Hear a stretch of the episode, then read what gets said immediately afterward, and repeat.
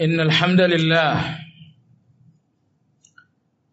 نحمده ونستعينه ونستغفره ونعوذ بالله من شرور أنفسنا ومن سيئات أعمالنا من يهد الله فلا مضل له ومن يضلل فلا هادي له وأشهد أن لا إله إلا الله وحده لا شريك له. وأشهد أن محمدا عبده ورسوله لا نبي بعده. اللهم صل وسلم على محمد وعلى آله وأصحابه ومن اتبعهم بإحسان إلى يوم الدين. يا أيها الذين آمنوا اتقوا الله حق تقاته ولا تموتن إلا وأنتم مسلمون. يا أيها الناس اتقوا ربكم الذي خلقكم من نفس واحدة وخلق منها زوجها وبث منهما رجالا كثيرا ونساء.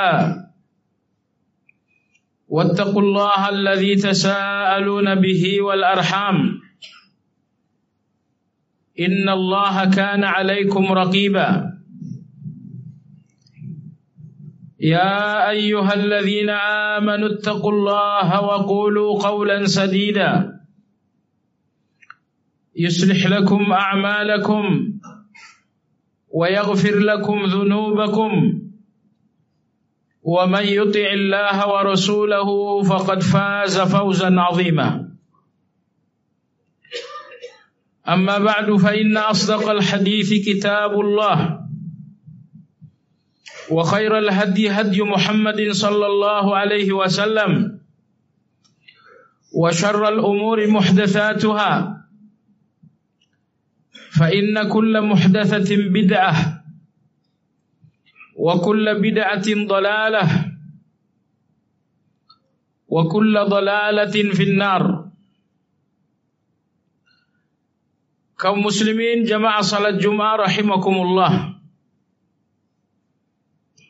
صحبت كتاب adalah nikmat. Dialah yang selalu menjadi kemudahan di dalam kesulitan-kesulitan kita. Dialah yang sering menjadi solusi di dalam kesusahan-kesusahan kita. Nasihat dan saran-sarannya sering sekali menjadi acuan bagi kehidupan kita. Bahkan apabila ditakdirkan kita mendahuluinya, kedua tangannya akan selalu berdoa untuk kita. Semoga di dalam ampunan dan rahmat Allah Azza wa Jal. Maka seorang teman yang saleh, seorang sahabat yang saleh harus dipertahankan sedapat mungkin. Dan di dalam agama kita, Gaya seseorang bersahabat dan berkawan sangat mencerminkan keimanan. Maka pembicaraan tentang bagaimana bersahabat, etika di dalam bergaul ada salah satu pembicaraan yang sangat penting dalam agama kita. Dalam konteks inilah jemaah sekalian maka judul khutbah kita adalah adab as-suhbah. Adab-adab di dalam bergaul, berkawan dan bersahabat. Adapun adab dan etika yang pertama di dalam pergaulan adalah selalu menjaga akhlak.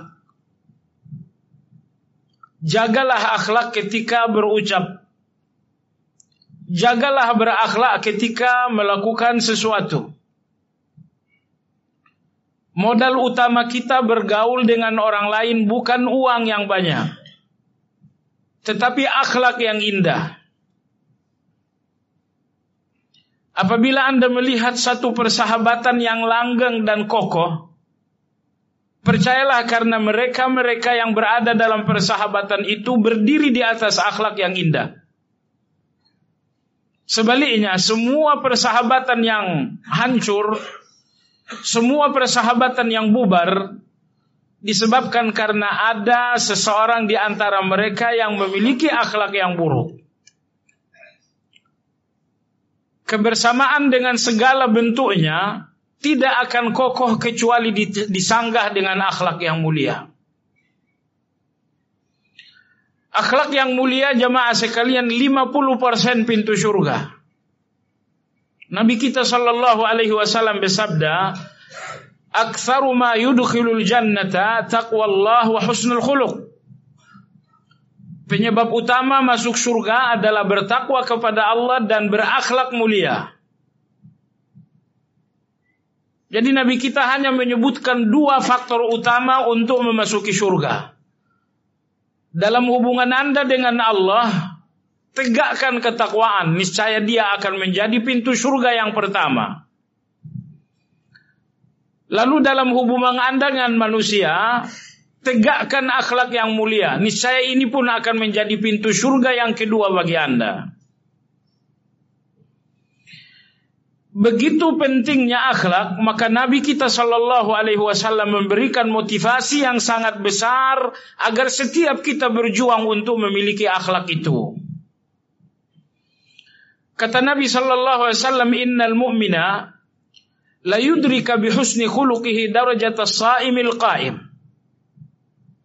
Seorang mukmin mampu mengalahkan keutamaan salat malam dan keutamaan puasa sunnah menggunakan akhlak. Seseorang yang salat malam, tentu saja salat malam ini adalah mahkota orang-orang yang saleh. Lalu ia pun istiqamah melakukan puasa-puasa sunnah. Malamnya tahajud, siangnya salat sunnah. Betapa indah itu. Malamnya untuk Allah, siangnya bersama Allah. Namun demikian Nabi SAW mengatakan, seorang mukmin dengan akhlak yang mulia akan mengalahkan kedudukan seseorang yang istiqamah salat malam dan istiqamah puasa Senin Kamis. Lalu Nabi kita sallallahu alaihi wasallam bersabda, "Ana dhaminun bi baitin fi rabadil jannah liman taraka al-mira'a walau kana mazihan." Kata Nabi Sallam, aku jamin satu unit istana di surga paling bawah bagi orang yang meninggalkan dusta walaupun bercanda. Agar Anda tahu, penghuni surga itu sangat jauh dari dusta. Meskipun untuk sebuah canda, untuk sebuah gurau, tidak ada dusta.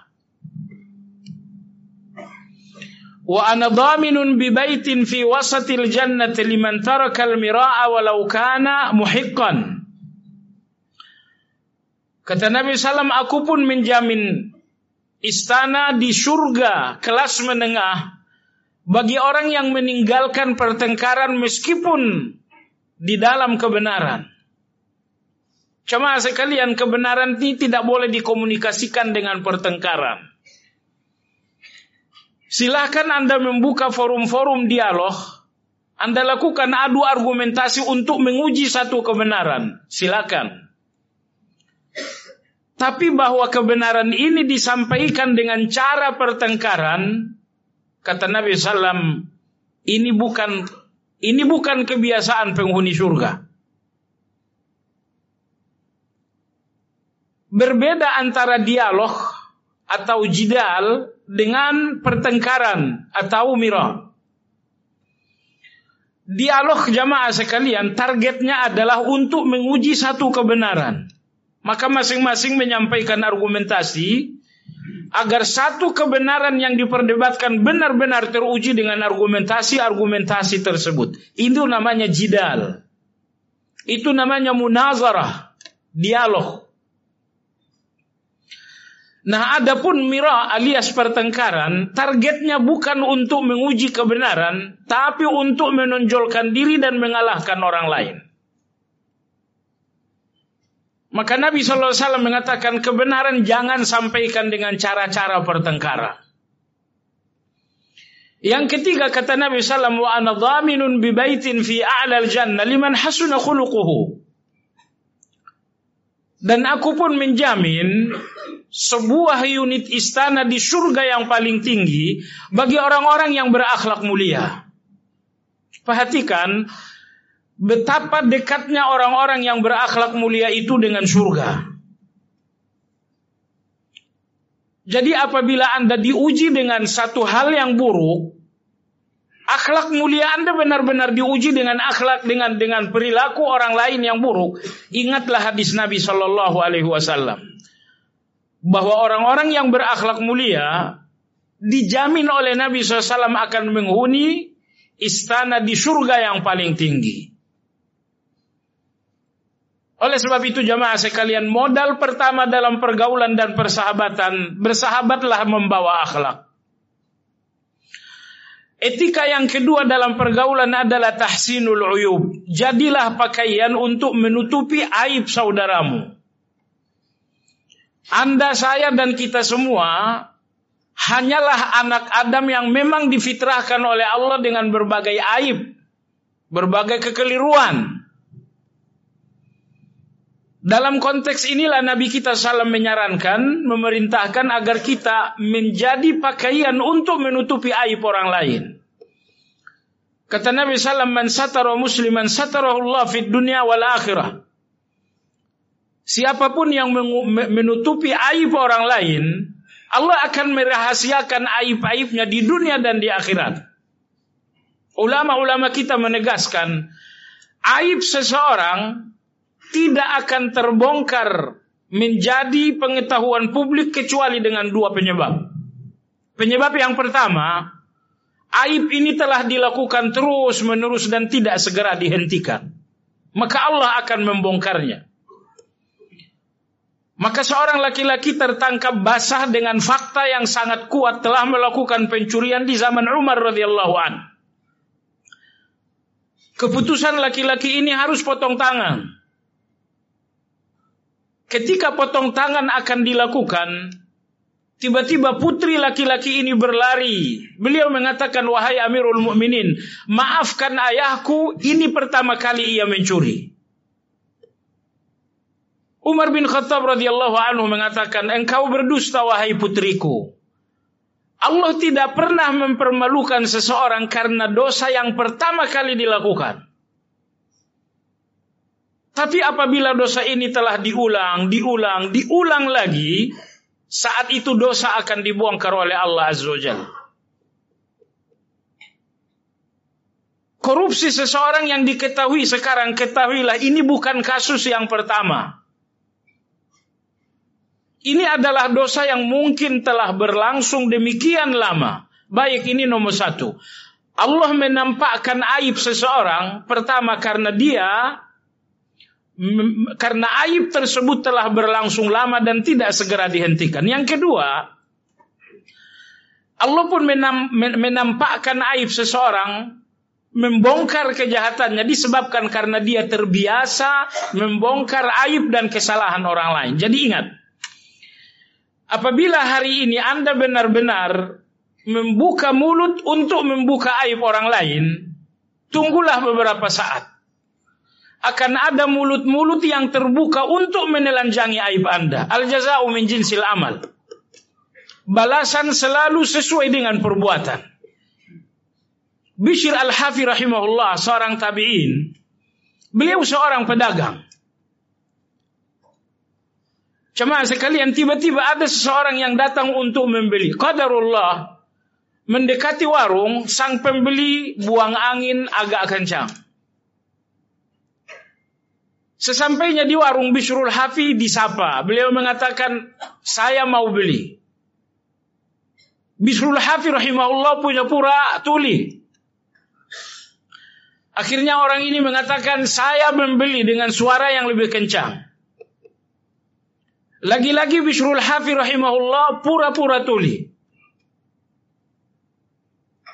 Laki-laki ini meninggikan suara. Beliau mengatakan, saya mau beli. Untuk ketiga kalinya Bishrul Hafi rahimahullah pura-pura tuli. Akhirnya orang ini pergi. Orang ini mengatakan syukur dia tuli. Dia nggak dengar sesuatu yang terjadi. Bishrul Hafi rahimahullah bukan seorang yang tuli. Dia hanya pura-pura tuli agar orang ini tidak malu dengan sesuatu yang terjadi dari dirinya. Imam Hasanul Basri rahimahullahu taala mengatakan al-mu'minu yatlubul ma'azir seorang mukmin selalu menutupi kekurangan orang lain dengan alasan-alasan yang indah. Wal munafiqu yatasaqqatu zallat. Adapun orang-orang munafik selalu mencari-cari kesalahan. Sangat berbeda seorang mukmin dengan munafik. Seorang mukmin selalu mencari alasan-alasan yang baik untuk kita punya kesalahan. Sehingga kesalahan dengan alasan yang baik tidak lagi nampak sebagai kesalahan. Anda tidak datang dalam undangan saya, tentu itu kesalahan. Sebagai seorang mukmin, saya harus menutupi kesalahan Anda dengan alasan-alasan baik. Si fulan tak datang dalam undangan, mungkin lagi sakit. Mungkin dia lupa. Itulah seorang mukmin selalu menutupi aib dan kesalahan orang lain dengan alasan-alasan positif sehingga kesalahan itu tak nampak lagi sebagai kesalahan. Wal munafiqu yatasaqqatu zallat. Adapun orang-orang munafik selalu mencari-cari kekurangan dan aib. Jadi ada bergaul yang kedua, tutupilah aib dan kekurangan saudaramu dengan cara Berikan alasan-alasan yang positif untuk setiap kekeliruannya. Agar kekeliruan itu tidak nampak sebagai aib dan kekurangan. Imam Hamdun Al-Qusar, seorang tabi'in beliau mengatakan, berikan kesalahan saudaramu 90 alasan positif. Jika engkau tidak mampu, berarti engkaulah yang memiliki aib dan kekurangan. Seorang wanita datang ke hadapan Nabi Shallallahu Alaihi Wasallam. Beliau mengatakan, Ya Rasulullah, aku berzina. Sebuah pengakuan. Nabi SAW mengatakan, mungkin mungkin kamu tidak sampai berzina, hanya cuma ciuman saja. Lalu Nabi memalingkan wajahnya. Begitulah berlangsung tiga kali sampai akhirnya Nabi menghukum wanita itu setelah melakukan proses A dan B. Seorang wanita yang nyata-nyata mengaku telah melakukan zina, Nabi Shallallahu Alaihi Wasallam mencoba untuk membungkusnya agar tidak menjadi aib. Jamaah sekalian yang saya hormati, etika bergaul yang ketiga adalah as-safahu anil atharat. Berikanlah maaf untuk kesalahan teman-teman dan sahabat-sahabat. Siapakah dia yang datang untuk Anda dengan kesempurnaan? Tidak, tidak ada. Semua yang datang untuk Anda dalam dunia pergaulan Anda hanyalah anak-anak manusia yang berdiri dengan kelebihan, tapi dia juga berdiri di atas kekurangan. Sekiranya Anda tidak memiliki jiwa besar untuk memaafkan kekurangan orang lain, setiap hari Anda akan kehilangan teman. Tapi karena Anda memiliki jiwa besar, memberikan maaf dan tidak pernah letih memberikan maaf, maka tidak ada sahabat yang hilang dalam pergaulan Anda. Nabi kita Allah Subhanahu wa taala dalam surat An-Nur mengatakan orang yang terbiasa memberi maaf adalah orang yang juga terbiasa adalah orang yang memang berada dalam ampunan Allah. Jadi ciri-ciri seseorang yang berada dalam maghfirah dan ampunan Allah ketika dia selalu memberi maaf untuk kesalahan orang lain. Allah berfirman, "Wal ya'fu wal yasfahu, ala tuhibbuna yaghfirallahu lakum?" Berikanlah maaf untuk orang lain. Tidakkah kalian ingin diampuni Allah juga? Jadi ternyata ampunan Allah diperoleh antara lain dengan cara maafkan orang lain. Dalam konteks inilah maka Anda lebih membutuhkan memaafkan orang lain ketika orang lain. Karena maaf Anda untuk orang lain, ampunan Allah untuk dosa Anda. Jemaah sekalian yang saya hormati, Nabi SAW bersabda, "Wa mazadallahu 'abdan bi'afwin illa izza." Dan Allah tidaklah menambah jiwa maaf bagi seseorang melainkan karena Allah akan menambah harga dirinya. Semakin Anda berhati luas, berhati besar memberi maaf, semakin Anda nampak terhormat oleh orang lain. Hari ini Anda diperlakukan buruk, Anda dihina-hina, tapi Anda berjiwa besar. Anda tidak membalas. Anda memilih untuk memaafkan. Nabi Salam bersabda, jiwa maaf akan membuat seseorang semakin terhormat. Sabda Nabi nggak mungkin salah. Jadi Anda jangan berpikir, saya maafkan, saya akan semakin terhina. Itu riwayat syaitan itu. Nabi kita salam mengatakan bahwa semakin Anda maafkan, justru Anda akan semakin agung, semakin mulia, semakin terhormat, semakin berharga diri. Semoga khutbah sederhana ini menjadi renungan, evaluasi dan evaluasi bagi kita agar kita semakin hari semakin indah merangkai persahabatan ini. Ingat, kematian suatu saat akan menghentikan usia. Tapi sahabat-sahabat yang salih ini akan berdoa setelah kepergian Anda. Siapa tahu satu dan dua orang dari sahabat yang salih itulah yang pada akhirnya menjadi jalan ampunan bagi Anda di depan Allah Azza wa Jal. Pertahankan mereka. Anda nggak bisa mempertahankan mereka dengan uang yang banyak. Tapi pertahankan mereka dengan terus-menerus memberikan maaf. Barakallahu li wa lakum fil Qur'anil azim wa nafa'ani wa iyyakum bima fihi minal ayati wa dhikril hakim wa taqabbala minni wa minkum tilawatahu innahu huwas samiul alim.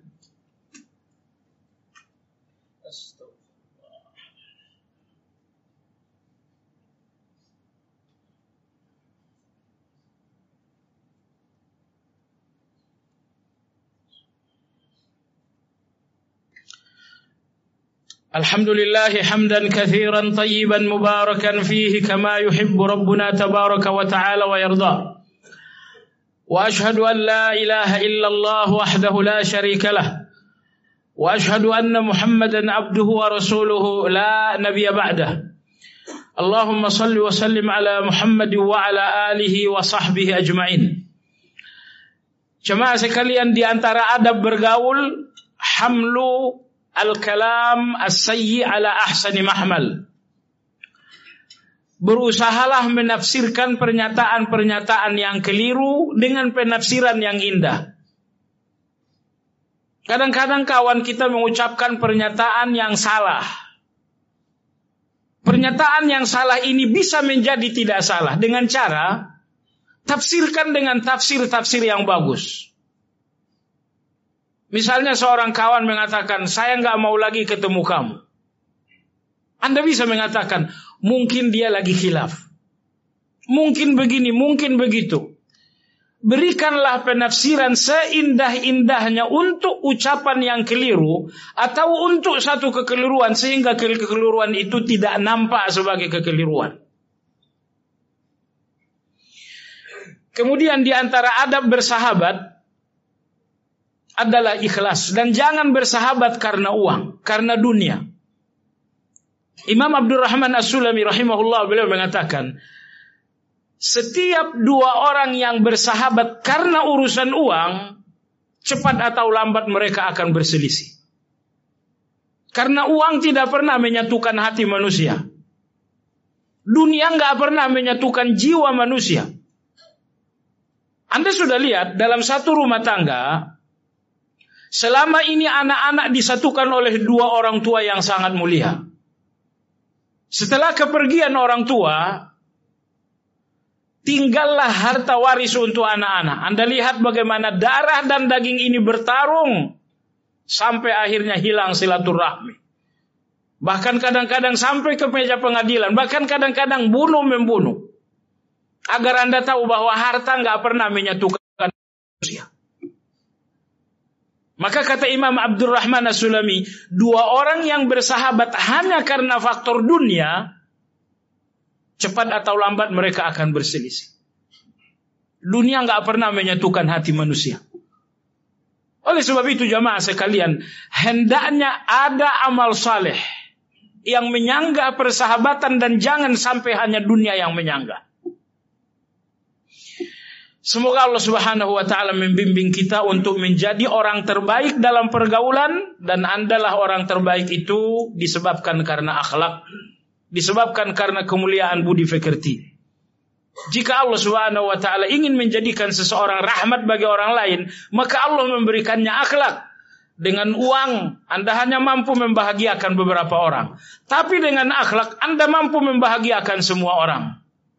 اللهم صل وسلم على محمد وعلى آل محمد كما صليت على إبراهيم وعلى آل إبراهيم وبارك على محمد وعلى آل محمد كما باركت على إبراهيم وعلى آل إبراهيم إنك حميد مجيد. اللهم اغفر للمسلمين والمسلمات. اللهم اغفر للمسلمين والمسلمات والمؤمنين والمؤمنات. الأحياء منهم والأموات. إنك سميع قريب مجيب الدعوات. يا قاضي الحاجات ويا كافي المهمات. اللهم أعز الإسلام والمسلمين. ودمر أعداءك أعداء الدين. واخذل الكفرة والمبتدعة والمشركين. وأعل كلمتك إلى يوم الدين. اللهم انصر المسلمين في الهند. اللهم انصر المسلمين في الهند. اللهم انصر المسلمين في الهند.